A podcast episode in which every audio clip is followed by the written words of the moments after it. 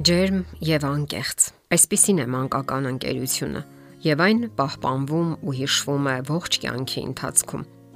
Անտուան դե Սենտ-Էքզյուպերիի փոքրիկ իշխանը ստեղծագործության մեջ այսպիսի հատված են հանդիպում։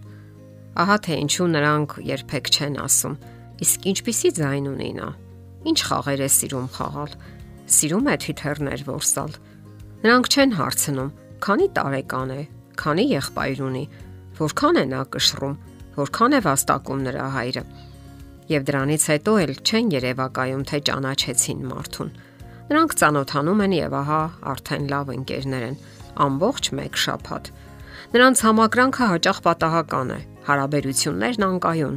սակայն հենց դրանք են օգնում, որ երեխաները հասունանան, աճեն հույզերի ու հարաբերությունների մեջ։ Մասնագետներն այն կարծիքին են, որ երեխաների ընտրությունը այնքան էլ պատահական չէ, որ նրանք կարողանում են ընտրություն կատարել եւ մեծահասակները պետք է լրջորեն վերաբերվեն դրան։ Երեխաները հաճախ են կայուն ու հաստատուն ընկերություն ստեղծում հենց մանուկ հասակից եւ հետագայում հաճախ են հիշում ու կարոտում իրենց ընկերներին։ Դա կարելի է անվանել այսպես. փոքրիկ մարդկանց մեծ զգացմունքներ եւ դրանք հարկավոր է հարգել։ Երեխաներն ի վերջո ընկերություն են անում առանց հաշվի առնելու դիմացինի նյութական հնարավորությունները, անձնական կապերը, ինչը խիստ բնորոշ է մեծահասակներին։ Հոգեբաններն ասում են, որ մարդիկ սովորաբար ընկերակցություններ են որոնում միայնակ չմնալու, միմյանց սատարելու եւ տարբեր պատճառների համար։ Երեխաները նույնպես ընկերներ են որոնում, որpիսի իրենց ավելի պաշտպանված զգան մյուս երեխաների մեջ ավելի հեշտ հաղթահարեն տագնապներն ու անհանգստությունը։ Մեկ այլ կարևոր պահ.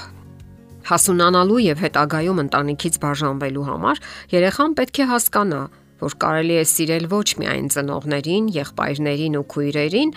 այլև այլ մարդկանց։ Հասակակից ընկերը երեխայի համար ամենից առաջ մարդ է, որի հետ կարելի է կապվել եւ կիսվել ուրախությամբ, հույզերով ու ապրումներով, որի հետ հեշտ է եւ հարմար է խաղալ ինչ որ համատեղ գործողությամբ զբաղվել։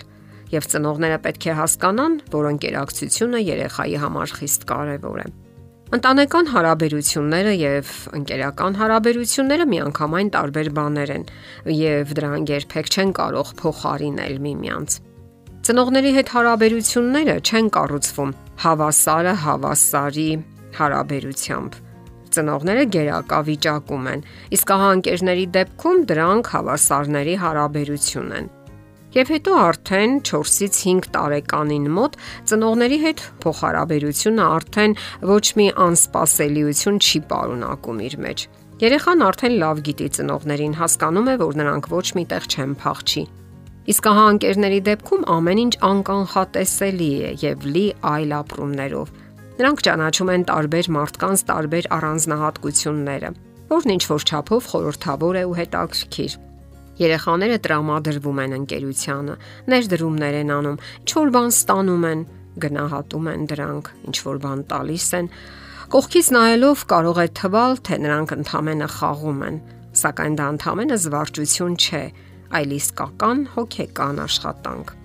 Հոկեբան Դանիել Աբրանը պնդում է, որ երեխաներին երբեք չի կարելի պարտադրել այնպիսի ինտերակցիաներ, որոնք նրանց դուր չեն գալիս։ Պարտադրել ընկերություն անել նշանակում է ներխուժել երեխայի անձնական մերձ տարածքը։ Չարժե վերլուծել կոնֆլիկտները, փորձել կենթանացնել այն ընկերությունը, որն արդեն ավարտվել է։ Այն ավարտվում է իր ժամանակին, երբ երեխան լիովին զգացել է այն, ինչ ցանկանում էր զգալ Ասենք որ ծնողները կարող են օգնել երեխաներին, որpիսի նրանք ընկերներ ընտրեն։ Սակայն դա հարկավոր է անել խելացի, բանիմաց եւ նրբանակատ ձևով։ Հնարավորություն տվեք նրանց խաղալու եւ ընկերներ ընտրելու։ Ծնողները պետք է հասկանան, որ մանուկ ժամանակ ընկերներ ճանաչող երեխաները մեծանալով միայնություն են զգում, անբավարարվածություն եւ գոհ չեն կյանքից Ընկերոջ պահանջ երեխան առաջին անգամ զգում է 4-ից 5 տարեկանում եւ իր առավել սրմանն է հասնում 7-ից 8 տարեկանում։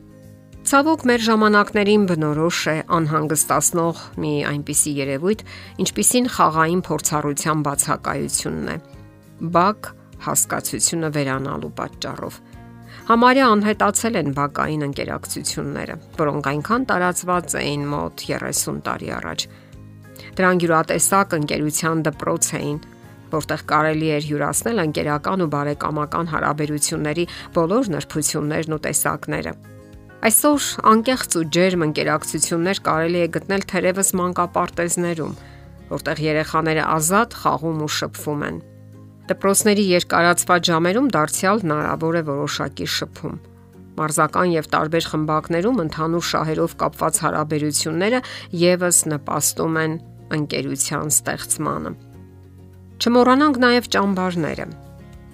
Որոշ ծնողներ չափազանց շատ են անհանգստանում դրա համար եւ փորձում են ազդել այդ գործընթացի վրա սակայն դա անօգուտ աշխատանք է, որովհետև երեխաների միջև ընկերությունը տեղի է ունենում որոշակի կանոններով, որոնք իրենք են սահմանում։ Մեծահասակները կարող են ազդել դրա վրա, սակայն անուղակիորեն։ Իսկ լավագույն օրինակը ծնողների օրինակն է, երբ ունեն լավ ընկերներ։ Կարևոր են նաև ընտանեկան հարաբերությունները, երբ երեխան սովորում է թե ինչպես լուծի կոնֆլիկտները, գնա փոխզիջման, պայմանավորվի ինչ-որ հարցերի շուրջ։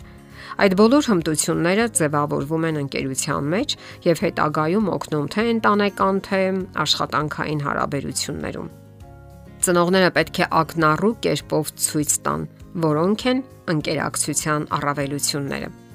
Ինչպես պետք է ընթառաջ գնալ միմյանց, զիջել, ներողություն խնդրել, շնորհակալություն հայտնել եւ ընդունել շնորհակալությունը։ Եվ որ երկուսով հնարավոր է անել անհամեմատ ավելի շատ, քան կարելի էր անել միայնակ։ Հարկավոր է հնարավորություն տալ երեխաներին, որ նրանք զգան ընկերակցության բավականությունը Երեխաների մոտ դրանք անկեղծ են ու անկաշառ։ Թող վայելեն մանկական անկեղծ ուրախությունները, խաղային հաճույքը, այն ընկերոջ հետ, ում իրենք են ընտրում ու գնահատում։ Չէ որ նրանք այնքան անկեղծ են ու ջերմ։ Եթերում է ընտանիք հաղորդաշարը։ Ձեզ հետ է Գեղեցիկ Մարտիրոսյանը։ Հարցերի եւ առաջարկությունների համար զանգահարել 033 87 87 87 հեռախոսահամարով։